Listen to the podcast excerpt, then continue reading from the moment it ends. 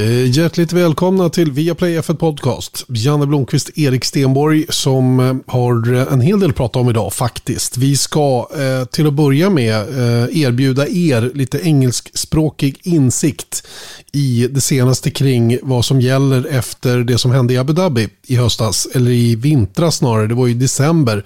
Inte så mycket mer än en månad sedan faktiskt som finalen i Abu Dhabi då, som blev så kontroversiell slutade. Och vad händer nu? Är vi intresserade av att veta. Så vi har tagit kontakt med vår brittiska kollega Scott Mitchell eh, som normalt är eh, F1-korrespondent på eh, sajten therace.com. Vi ska även komma med ett kortare nyhetssvep men man vill ju också veta hur, hur livet är för Erik Stenborg. Det ser bra ut tycker jag. Jo, det var väl härligt att det ser bra ut och det, det känns bra också faktiskt. Det är som sagt, det är, det är soligt ute, säsongen kommer närmare. Eh, om bara, vad är det, snart kommer vi få se lite racing igen. Genom lite Daytona 24 hours och snart kommer Indycar och sen kommer Formel 1.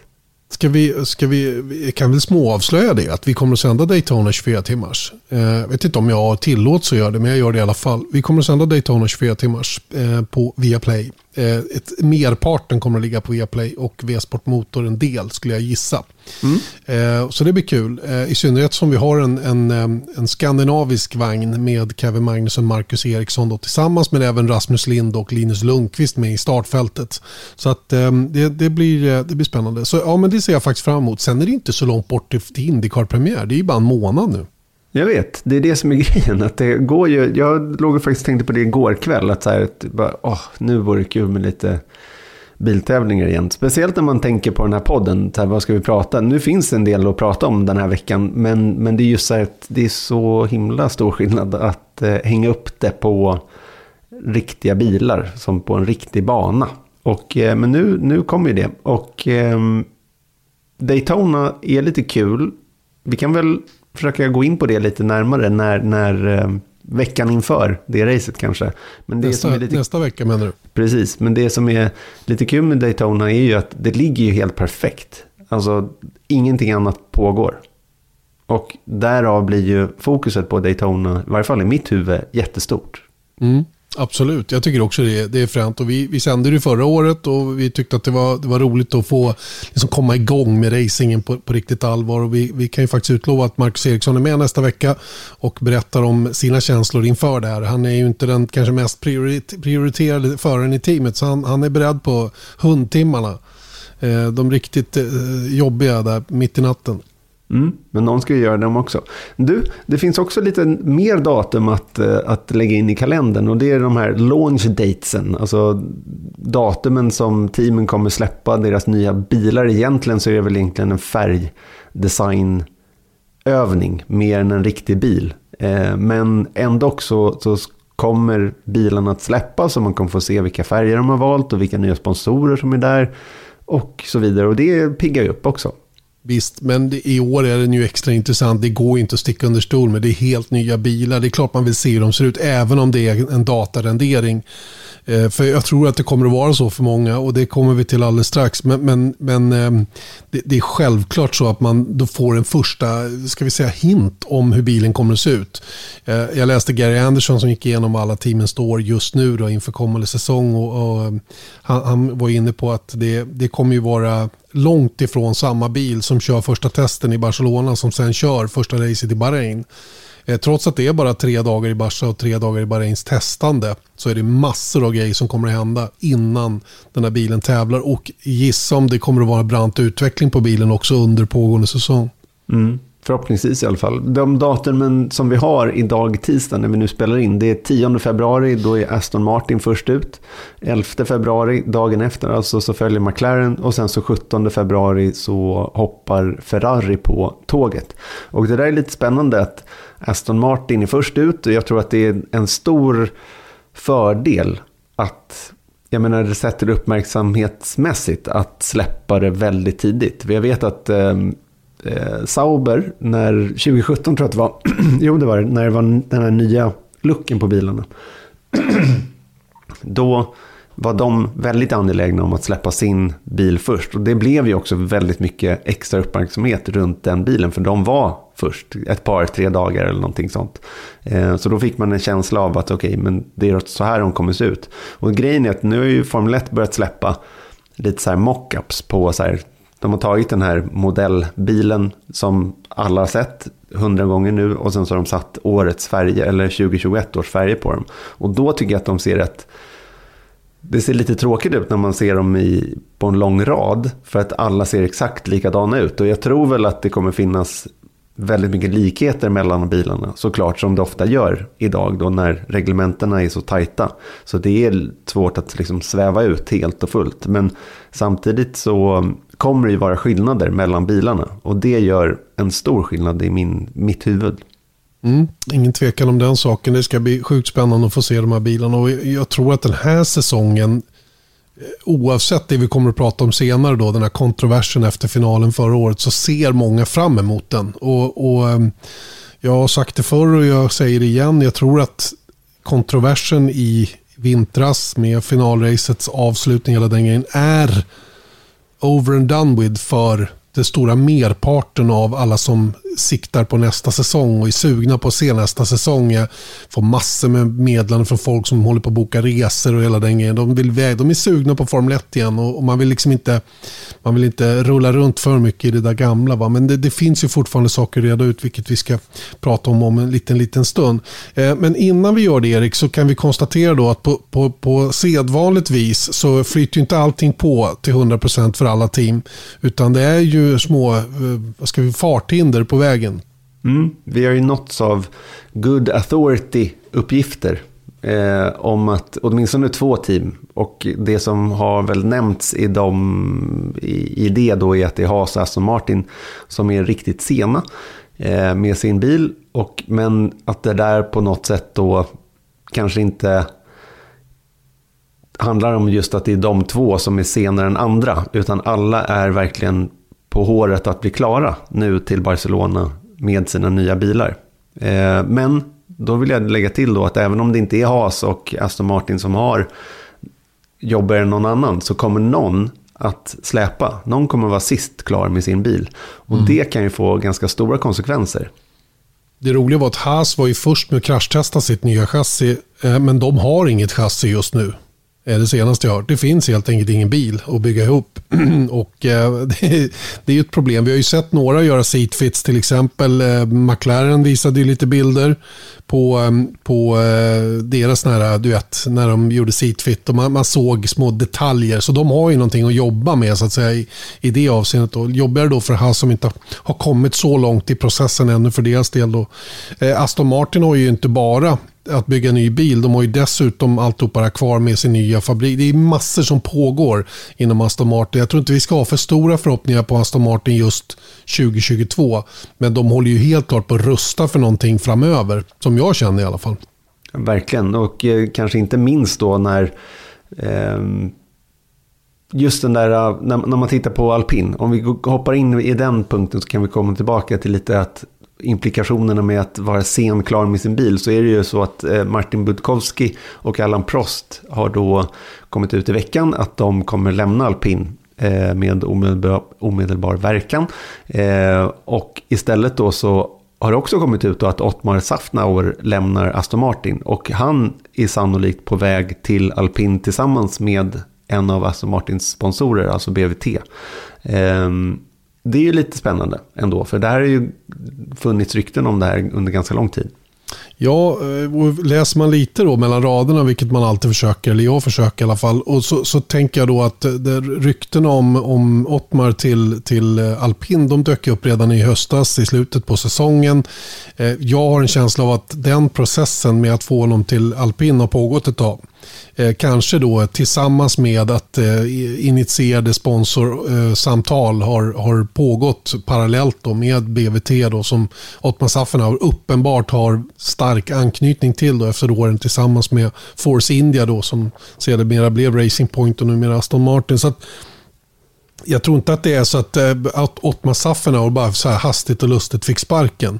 Utan han, hans kontrakt eh, tog slut eller gick ut efter den här säsongen och han har ju naturligtvis vetat om det och parallellt tittat lite grann på hur hans framtid ska komma att se ut och samtidigt har då eh, Alpin eh, kollat igenom sin, sin organisation och där har vi hört att Marcin Budkowski inte kanske är så omtyckt som många har trott och varit ganska omöjlig på många sätt och, och därför så blev hans fortsättning i teamet eh, omöjlig. Eh, samtidigt hör vi då om, om, deras konsult Alain Prost som också då eh, var lite missnöjd över hur det, hur det meddelades att han skulle lämna teamet och hur, hur det gick till så att säga då och har blivit intervjuad i franska L'Equipe nu där han tycker massor med saker och kastar gurkor upp både höger och vänster. Kanske att Alain Prost var en supporter till Budkowski. Skulle vi kunna tänka oss det? Så kan det om vara. Vi, om vi lägger pusselbitarna lite grann så är det de två som ryker och in kommer Ottmar Safenauer istället. Och så skulle det kunna bli. Eh, samtidigt så, så vet vi att Aston Martin då väldigt snabbt har ersatt Ottmar med Mike Krack. Mm. som eh, har bakgrund då i Porsches LMP1-program, jobbade eh, ihop med Andreas Seidel bland annat, har varit i Sauber. Han har inte varit, när man ser honom på bild så kan jag, jag, jag liksom kan, eh, ja, ja men honom kommer jag ihåg. Men, men inte så att hans ansikte syns jämt och ständigt. Men, men han har en, en, en, en stamtavla, säga. Han har ett CV som är, som är starkt. Och varför skulle man plocka in honom så snabbt om inte de i Aston Martin alltså vetat om att den här luckan skulle finnas. Så att bara för att det här kom ut lite plötsligt där efter nyåret så, så tror inte jag att det har varit någon, någon snabb process utan det här är, det här är um, saker som har pågått under tid. Eh, så, och Jag tror inte heller att det nödvändigtvis är så att Lawrence Stroll och Ottmar Safenauer inte är överens längre. Men det kan ju vara så att Ottmar Safenauer inte tycker det är så roligt att jobba i det teamet längre och vill ta, gå vidare i livet så att säga. Ja, ja men det, det vet vi väldigt lite om, men det är ändå kul att, att eh, skakar om lite grann på, på den här marknaden. Och då, då, eh, jag menar, det är ju fortfarande en, en extremt viktig roll i ett Form, Formel 1-team att leda det där, såklart. Då. Eh, så det Hej, jag Ryan Reynolds. På Mint Mobile, we like to do the opposite of what Big Wireless does. They charge you a lot. We charge you a little. So naturally, when they announced they'd be raising their prices due to inflation, we decided to deflate our prices due to not hating you. That's right. We're cutting the price of Mint Unlimited from $30 a month to just $15 a month. Give it a try at mintmobile.com slash switch. $45 upfront for three months plus taxes and fees. Promote for new customers for limited time. Unlimited more than 40 gigabytes per month. Slows. Full terms at mintmobile.com. Det är spännande att det pågår lite silly season runt omkring nu när, när förar är över sedan länge. Visst. Men då tänker jag på det här med sena bilar, återigen då, när vi kommer tillbaka dit. Att då, när vi nu vet att Aston Martin sannolikt då har lite problem att bli klara med sin bil och de har ändå då den här launchdaten på 10 februari. Det är ju, som du tidigare sa, en, ett väldigt tydligt tecken på att det vi ser där den 10 februari är inte någonting annat än en, en mockup på den bilen som de ska köra med senare under året. Nej, utan eh, det, det hänger ihop då med att de, de, de, de, kommer aldrig att prioritera lanseringen. Och Det är väl därför jag tycker alltid att de här lanseringarna borde vara istället i Barcelona. Rulla ut dem i depån. Och, ja, ja. Det där behöver vi inte dra igen, det har jag sagt så många gånger tidigare. Att, att jag, som VRC var det någon som upplyste mig om gör. Där mm. de har en officiell lansering av alla team och bilar och förare och hela den grejen. Och så, och så får alla tillgång till dem under en dag och så når man ut till den stora massan. Formel 1 är inte riktigt där ännu, men eh, kanske kommer dit. Jag vet inte. Ehm, ja, är det något annat känner du som, eh, som har hänt på sistone? Nej, men det är väl vissa rykten. Det finns fortfarande rykten kvar runt Jean Tots vara eller icke vara i någon form av roll hos Ferrari. Det finns även rykten om att en viss Cyril Abiteboul är på väg från, han lämnade ju eh, Alpin, Renault eh, tidigare och att han nu skulle vara på väg in i någon form hos Red Bull. Vilket är lite spännande för att om det var några antagonister innan den här situationen mellan Christian Horner och Toto Wolff blossade upp rejält. Så var det ju, om det fanns några fiender i F1-depån så var det Christian Horner och Cyril Abiteboul. Så det vore ju lustigt om de två hamnade i samma stall. Vad säger man? Ödets ironi? Mm. Ja, det är ju rykten, ska man tillägga då. Men, men, eh, men eh, de florerar i alla fall. Så då är det väl mm. dags att, då är det väl på sin plats att nämna dem. Visst, visst är det det. Ehm, det som också har pågått i veckan är ju, det har väl ingen missat, det här med Novaks Djokovic som inte fick vara i Australien och var tvungen att åka hem igen och till slut.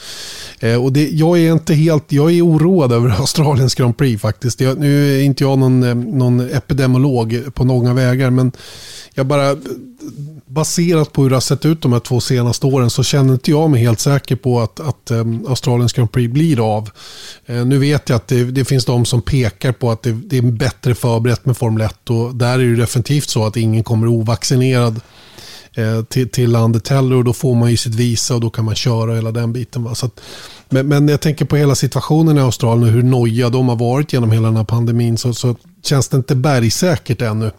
För de behöver ju sin publik för att kunna genomföra arrangemanget. Precis. Sen så är det väl en liten positiv aspekt i det där då att de har ändå skjutit på, det, det, är inte premiären i Australien som det normalt sett har varit, utan det är senare i slutet av april va? Som ja, de ska köra race 3 är det. Ja. Och, det, och det är ju det är förmodligen med avsikt, just med anledning av pandemin, som de har hamnat där i kalendern då, snarare än i november där de skulle ha kört i år då. Precis. Eller förra året. Exakt, och då, jag tror ändå att här, jag, min magkänsla runt det här är att det kan hända ganska mycket med den här eh, omikron eh, fram tills att vi är i, i Bahrain och, och även i Australien. Men vad mitt senaste scoop, det är inte ett scoop utan min senaste information är att, att eh, F1-säsongen i minsta fall kommer inledas med samma typ av eh, restriktioner som vi haft de senaste två åren med lite förarbubblor och eh, zoner och orangea zoner och röda zoner och allt vad det är. Eh, munskyddskrav och så vidare. Så det, det, jag tror att Formel 1 tar ju, även om vissa länder då skulle vara, det, det fanns ju vissa avarter faktiskt under 2021 i slutet där, att det var vissa ställen hade publik, vissa hade eh, inte lika hårda munskyddskrav, det var olika inreseregler och sånt där. Men jag förstår då att, att Formel 1 kommer åtminstone inleda säsongen med sina egna restriktioner. Vilket då skulle underlätta om de ligger liksom över Australiens Grand Prix eller Australiens eller Melbournes regler så kommer det, de kunna lösa det då. Men sen så finns det ju klara inreseregler och sånt där. Så att om det är någon i stallet så som inte är vaccinerad, ja men den får ju hoppa över det racet i så fall då. Så jag tror ändå att man skulle kunna lösa det så. Eh, såvida att de kan anordna ett sportevenemang. Men om man tittar nu på Australian Open till exempel som är på väg att eh, starta i Melbourne. Ehm, så kan de åtminstone genomföra det. Då bör de kunna genomföra ett australiensiskt Grand Prix. Men som du säger, det bygger på att det kommer publik. Då ska vi ta och byta ämne faktiskt. Vi ska grotta ner oss lite grann i den här eh, rätt otrevliga historien med det som hände i Abu Dhabi och eh, avslutningen på fjolårssäsongen som naturligtvis inte blev bra. Vi behöver inte gå in på det i detalj, alla känner till storyn. Men däremot så är det intressant Erik att prata om, om vad som nu komma skall, eller hur? Mm, eller det som inte komma skall. Vi vet ju inte så mycket om det där själva i alla fall. Så då har vi tagit in och säger välkommen till Scott Mitchell. Thank you very much. Oh, that he understands. Um, Scott, you're, you're picking up more and more Swedish. So uh, in six months' time, when you're when you may be on the show next time, we'll do it in Swedish, right? Yeah, I was. Uh, I I wasn't feeling brave enough brave enough this time, but I I had an idea of just like oh, if I've got like a few key points or something to say on arrival, I might just sort of scribble down some notes in advance, and then I could just roll them out casually when you introduce me. But I've chickened out purely because the the thing I hate in that situation is then you guys think, oh, okay, he's uh, he's leaning into this, and then you come back at me for more, and I'm like, uh, uh, förlåt, jag, jag förstår inte. And then that would literally be my con- contribution to the podcast. But now I have to ask you, what what what's your favorite sentence in Swedish? Uh, my favorite sentence, um, I think it's, uh, I think probably a, a Swedish uh, idiom, uh, Swedish idiom Um, uh, det är ingen ko på. Det är ingen ko ah. på isen. Ja, den är bra. Den är jättebra. Yeah. Den yeah, är toppen. That, I love it. There's no cow on the ice. Yeah, it's brilliant. And then whenever I explain it to English people, they're just like, "That's a, that's amazing. That's fantastic." Yeah, well, so it's, it's I need to good... learn more. Yeah, well, We'll we'll we'll we'll bring you up to speed over a, over a beer or two. Okay. Uh, but let's stay serious now and, and talk about this um, this uh, uh, the aftermaths of uh, what happened in Abu Dhabi. What happened in Abu Dhabi, we all know. We all know that everyone was very very upset. Uh, at least at the Hamilton camp, very very happy in the Red Bull camp by natural means. But uh, now. Um, we also know that Mercedes and, and Lewis Hamilton wants and that's what they said also. What Toto Wolff said in the in the press release uh, he he gave afterwards that uh, he will he will hold FIA accountable for what happened, and uh, and and to withdraw their appeal, he wanted them to do a proper investigation in the whole matter. So where are we now? Well, we now know a bit more about what the FIA is doing and the timeline. We're still a little bit light on on proper details. I think which I think is still frustrating for some people because the whole the whole issue of what happened in Abu Dhabi come comes down to sort of trust, integrity, transparency, and all this. So when the FIA launched the review, it's welcomed because you think, oh, this is great. We're going to get some answers, and all of this stuff that seemed a bit murky is going to have a light shine uh, shone on it. And then a month basically passes with no information at all. We we got the vaguest possible timeline of we would like to have anything relevant in place by the start of the next season. No information on who's going to be leading it, what they're going to be doing, how they're going to do it, any any of this, which is really frustrating. Uh, which is why people might have noticed some uh, some quite clear messaging briefing coming from the Mercedes camp a little while ago, putting pressure on it. This talk about Lewis not deciding his future until it's all known. I think that I think that's where it came from. I think it was frustration on the Mercedes side. It was like, okay, well, look, we dropped the appeal because you said you were going to do something. It's now been a month. Have you even done anything? But now we've got a little bit more clarity. We know that it's we know that it's been kick-started and that apparently the new FIA president Mohammed Ben Sulayem has taken it has basically made it the number one priority um, at the FIA. He's kicked off a consultation with all the teams in about a lot of issues, not just the Abu Dhabi review, but that's part of it. So there'll be a lot of talking and interviewing, I think, senior team members. I think there'll be discussions or interviews, how whatever word you want to use, with Michael Masi. I suspect all the stewards, probably other members of uh, race control and senior figures that were there in the room when the decisions happened. but there won't be driver input into this process until a little bit later because on the 19th of January, as we record this, the plan was for the Sporting Advisory Committee, which is a, one of many branches in the FIA, and has it has the power to recommend rule changes to be discussed at the F1 Commission because F1's governance process is just so ludicrously complicated.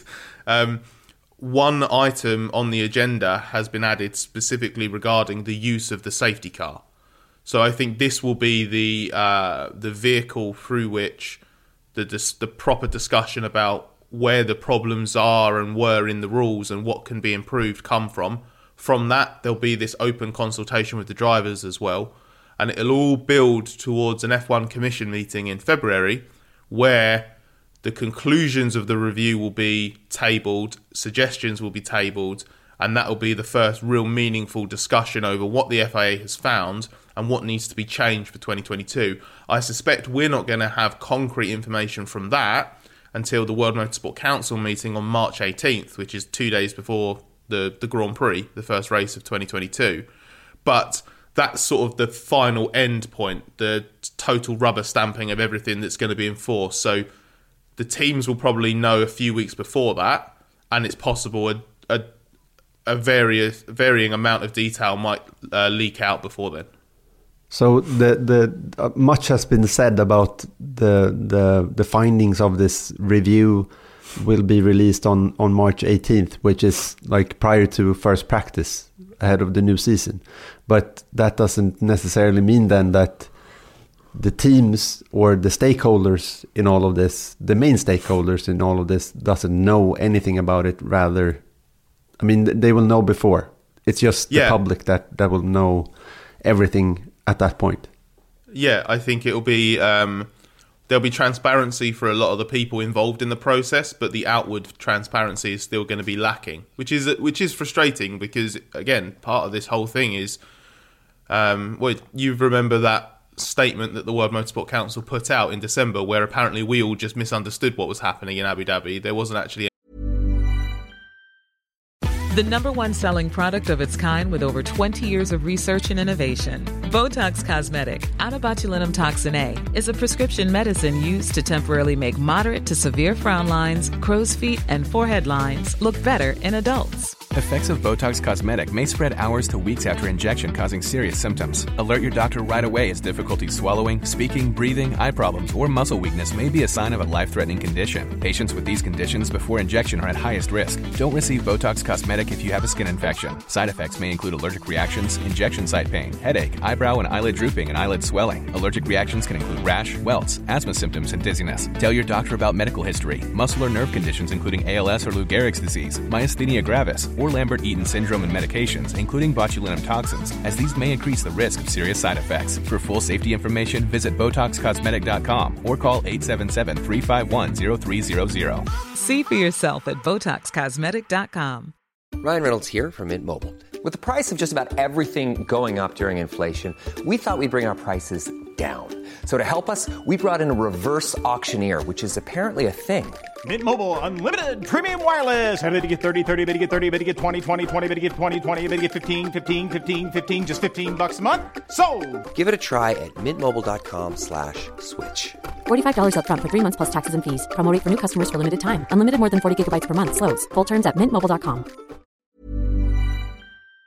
any issue there.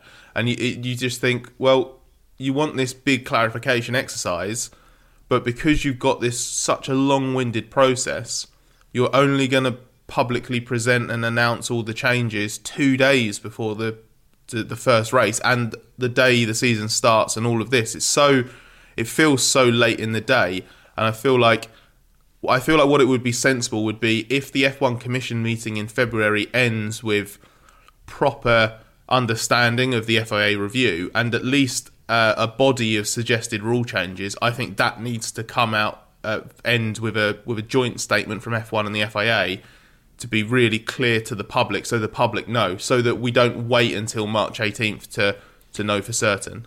But is this a deliberate strategy from the FIA to to uh, to delay it that long for the public to know what this investigation will bring, just to make sure that the public doesn't have any say, or or all the journalists or whatever? It's just a thing for us to accept and move on.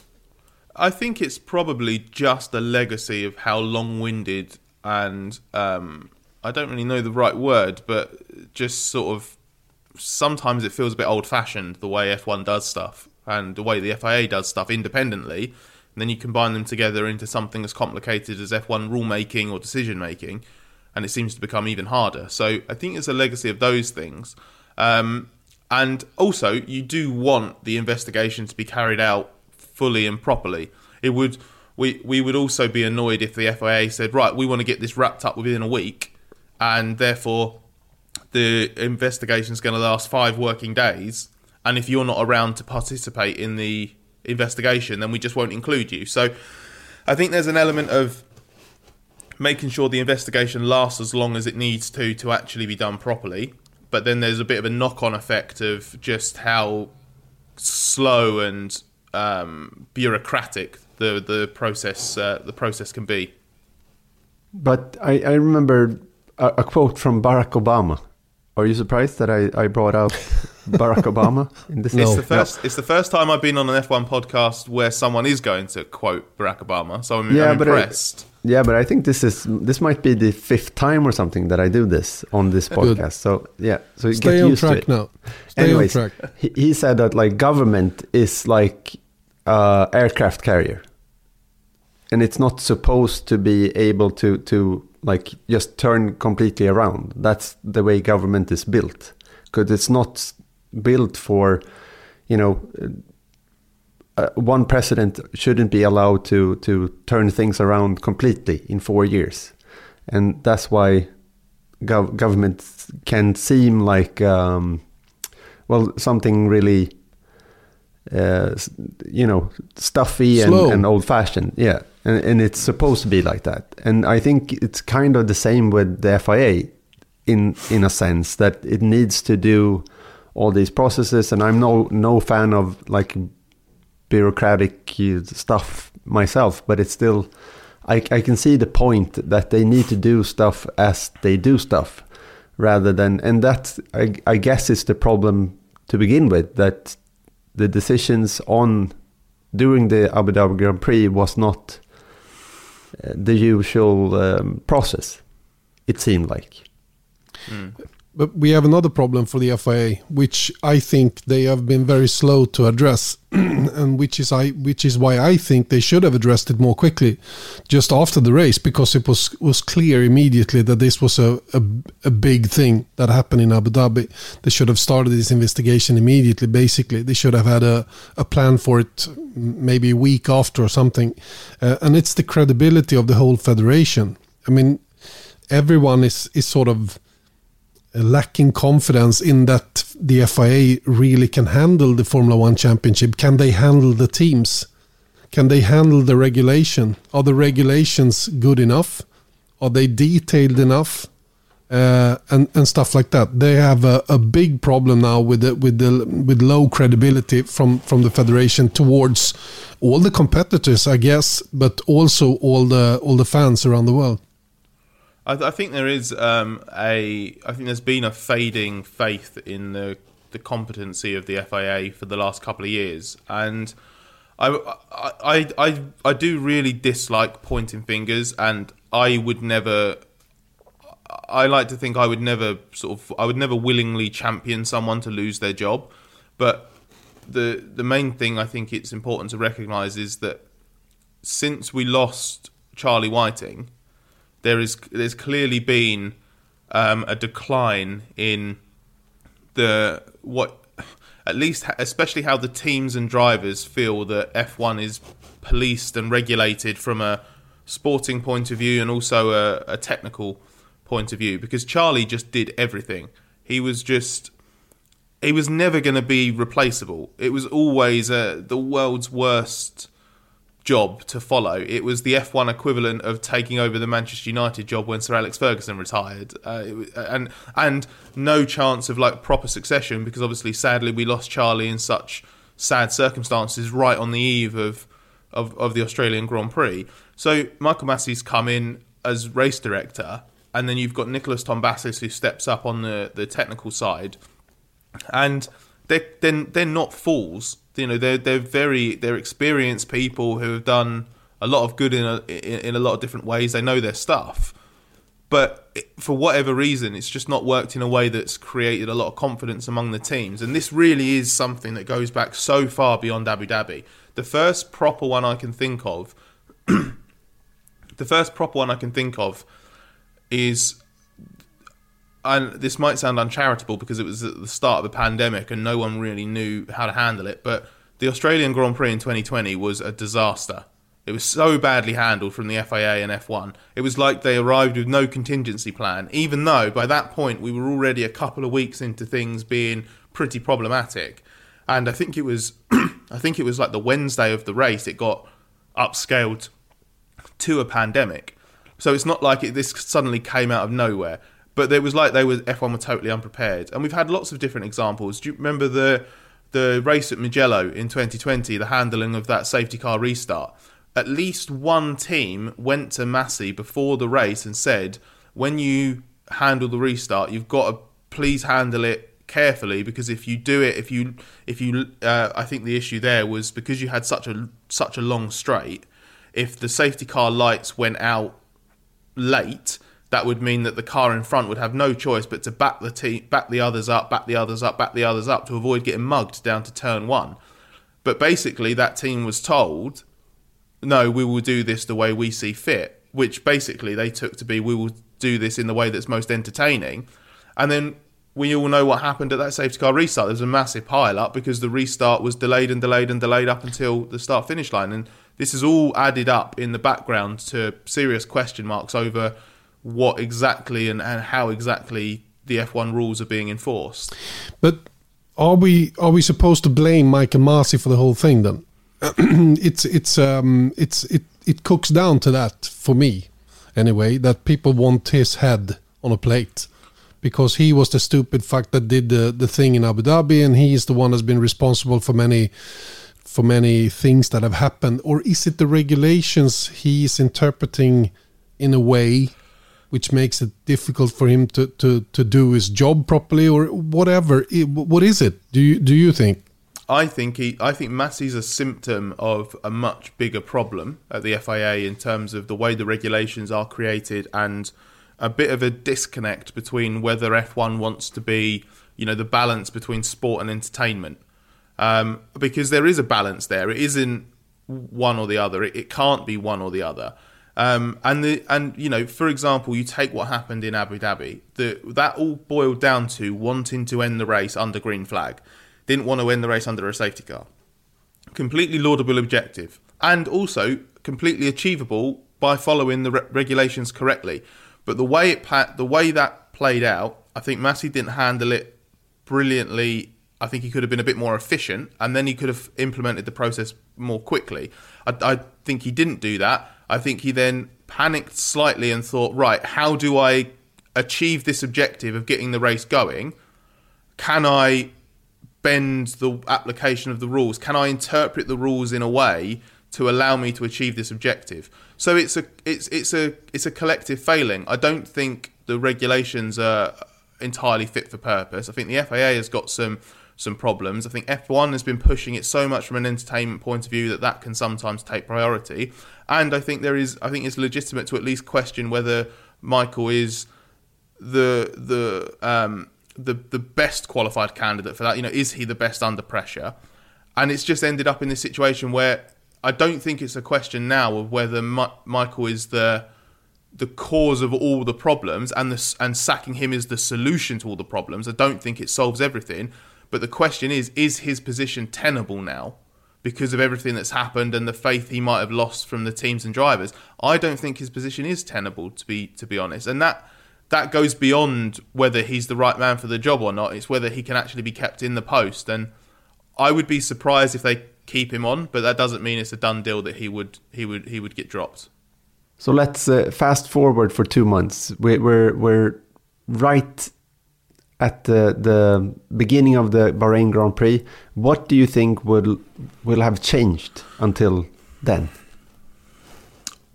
Oh, that's a that's a very good question. Um, I one. think I I suspect we will have uh, a new race director. Um, I or or at least a change in the way that race director setup is. If Masi stays, I think there would have to be a change to the structure around him, but I don't know exactly what that would be. Um, and then I think there will be a few specific changes in the rule book. So we know that the priority is to end the race under a green flag where possible. So I think there will need to be something enshrined in the rule book to make that um, make that possible. And I think it will be something like um, in the last percentage of a Grand Prix, if a safety car is required at this point, the race will be red flagged and restarted under these rules because this was the problem with what happened in Abu Dhabi. If Masi had thrown a red flag, which is what I thought was the sensible and fair solution, and I think a lot of people thought was good as well, that would have also been the wrong decision.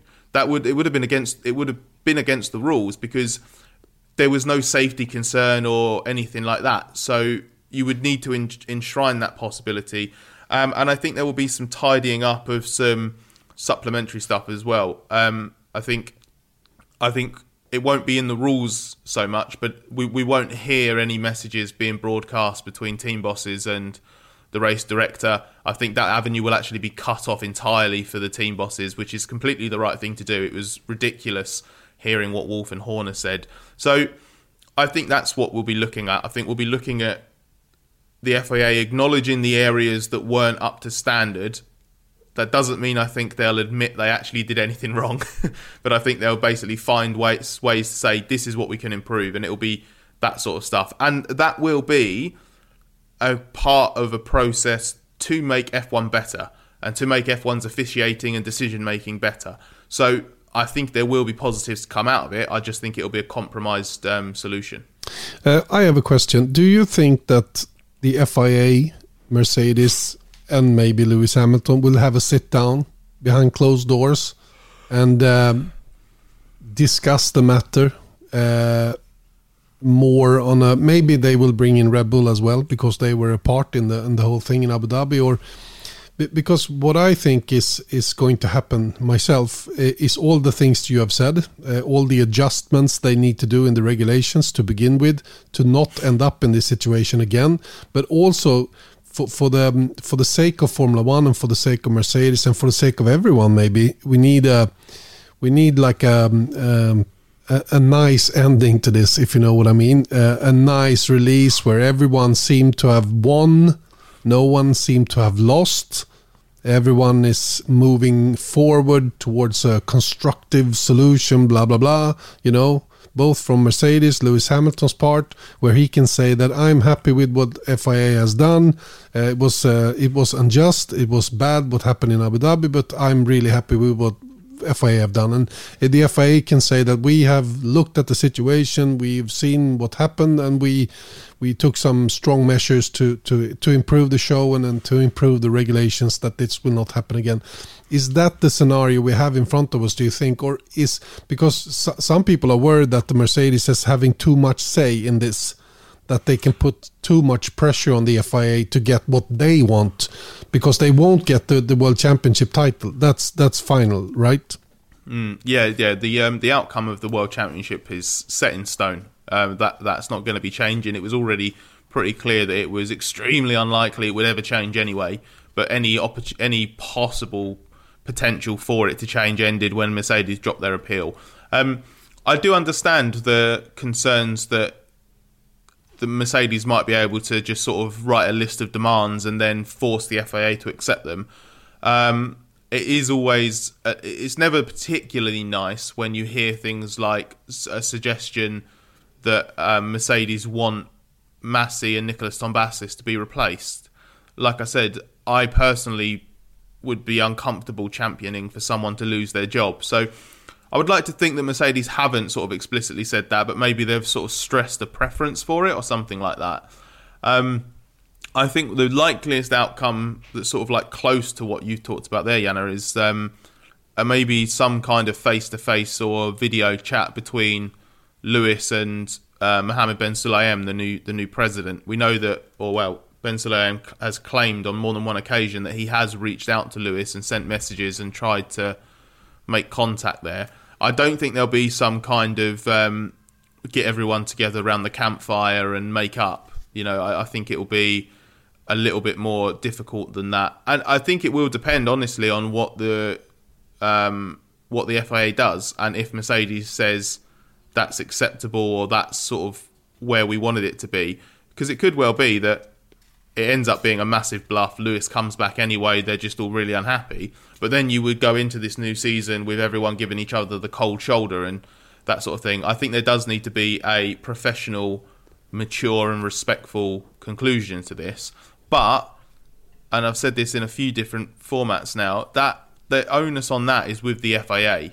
I it, it I just I while I completely understand that Mercedes and Hamilton shouldn't just be able to throw their weight around and demand everything they want what what happened in Abu Dhabi, there were clear mistakes in that, and it created a really, really undesirable situation. And I think the it's the responsibility of the FIA to show to Mercedes and Hamilton that they've taken it seriously and put put the right steps in place to avoid a repeat. If they don't do that, I don't think Mercedes and Hamilton should be expected to just go, "Oh well, it doesn't matter. Like we'll just let it go and start a new season." You're gonna how how can you go into the season with anything other than reservations that the same thing could happen again? So I think it's important that it comes to the right conclusion, but I just think the the onus is really on the FIA to ensure that happens. But but to me that seems a pretty easy situation to solve anyway, because we all agree, I think, uh, including the FIA and all the ones to decide in FIA, that we need to do something about the situation that appeared in Abu Dhabi. I mean, no one wants that to happen again. So that should be easy to to give Mercedes and Lewis Hamilton what they want because it will gain the whole championship and it will also gain the other teams.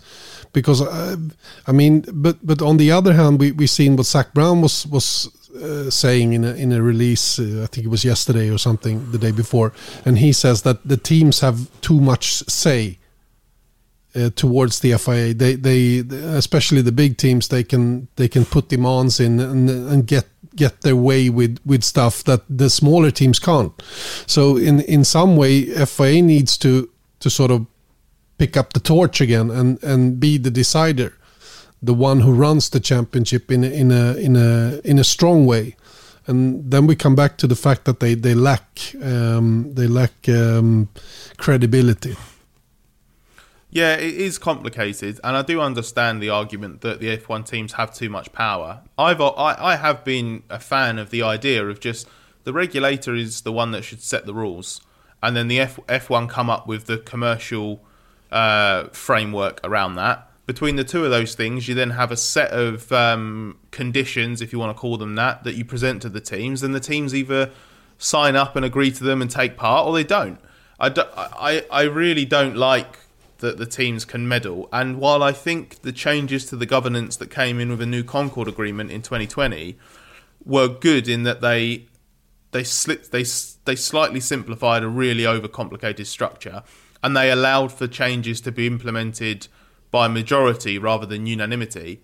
Um, you still have the potential there for the system to be gamed. This is another thing that Zak has talked about, which is that when you have these alliances, like Red Bull owning two F1 teams or you know Mercedes having multiple customers and Ferrari having multiple customers.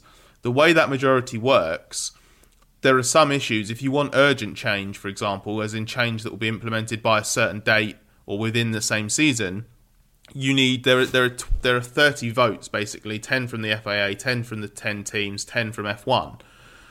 And you only need and you need 28 out of 30 in that situation to get a change to go through. But that also means you only need three teams to object to get that change blocked, which is exactly what an engine manufacturer can force if they get their teams to vote in blocks. So this is what this is part of the problem. It, shouldn't be. It basically means that the more powerful you are in Formula One, you have a veto.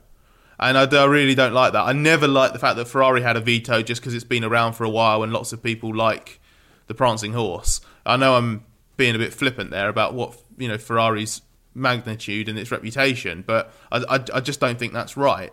So I think there's an awful lot to an awful lot that can be improved. But it goes back to what I said at the very beginning about what Ben Sulayem has done, which is launching this consultation with the teams on a lot of issues. It's not just about Abu Dhabi. That is the headline, and that is what we're all focused on, rightly so, and that is the short term priority. But he has crucially, apparently, started the process of asking them about other stuff which is good because that means that all the stuff we've talked about here, the stuff that Zak's talked about in this um, uh, sort of state of the nation address, which people can find on McLaren's website if they want to read it in full, which they should because it's a bit boring at the beginning and a bit boring at the end, but it gets really good in the middle. Um, and I would recommend going and reading that. All this stuff can be incorporate, incorporated and, and may be improved. And if we do that, F1 just becomes a better place all round I don't think there are any losers from that, except maybe the absolute wealthiest and most powerful of teams giving up a little bit more power. Alltid lika trevligt att ha med Scott Mitchell. God insyn i den här sporten. Eh, för allt vad det är värt. Eh, han, är, han är britt. Brukar, han har blivit kritiserad av för mycket under året. Han har både hatat Hamilton och älskat Hamilton och hatat på ett gammalt sedvanligt vis när man är skribent. Precis som du det. Precis, man får ta smällarna liksom för att eh, det är ju lite, det är lite så som fan läser Bibeln många gånger. Va? Och um, det, det, är lite tråkigt att det blir så givetvis. Va? Men, men ehm, det, det, det, det, ingår i jobbet också så man ska väl inte gräva ner sig för mycket. Scott är i alla fall väldigt, väldigt kunnig. Jag har inga som helst problem med, med, med honom i det avseendet. Utan här har vi god insyn. Jag, liksom, det är intressant att höra honom också prata om alla turerna runt Fia och vad som faktiskt behöver göras nu och vad som är det troliga att hända när man väl har presenterat den här, eh, den här eh, utredningen då, som, som enligt uppgift har startat då lite försiktigt och lite sent kan man ju tycka. Mm. Ja, alltså, jag, min känsla runt allt det här är att det är klart att kritik, feedback, kritik måste komma för att man ska kunna förbättra sig. Hade man bara släppt det här liksom, rent generellt, då hade det ju inte blivit någon, någon förändring. Och förhoppningsvis nu, så, så som Scott påpekar också, så blir det väl någonting som är eh, bättre för Formel 1 i stort genom en sån här process då. Men det är där släpper jag det lite. För att jag känner liksom inte att jag personligen inte berörd, så att säga, utan det är mer att nu kommer saker och ting ske, förhoppningsvis blir det positivt och sen får vi se. Jag, jag, I trust the process lite grann. Och, lite eh, så. Ja.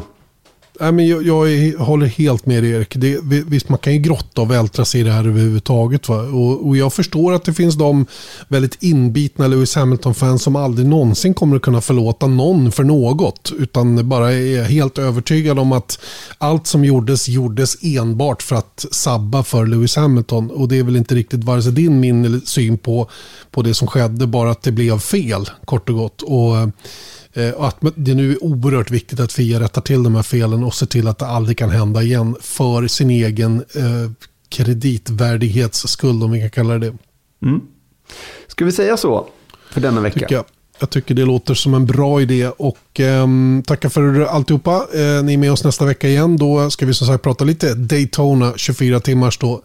Eh, där vi har eh, ett, eh, ett, väldigt massa Indycar-förare som är med. Tre svenskar dessutom. Marcus Eriksson, Linus Lundqvist och Rasmus Lind.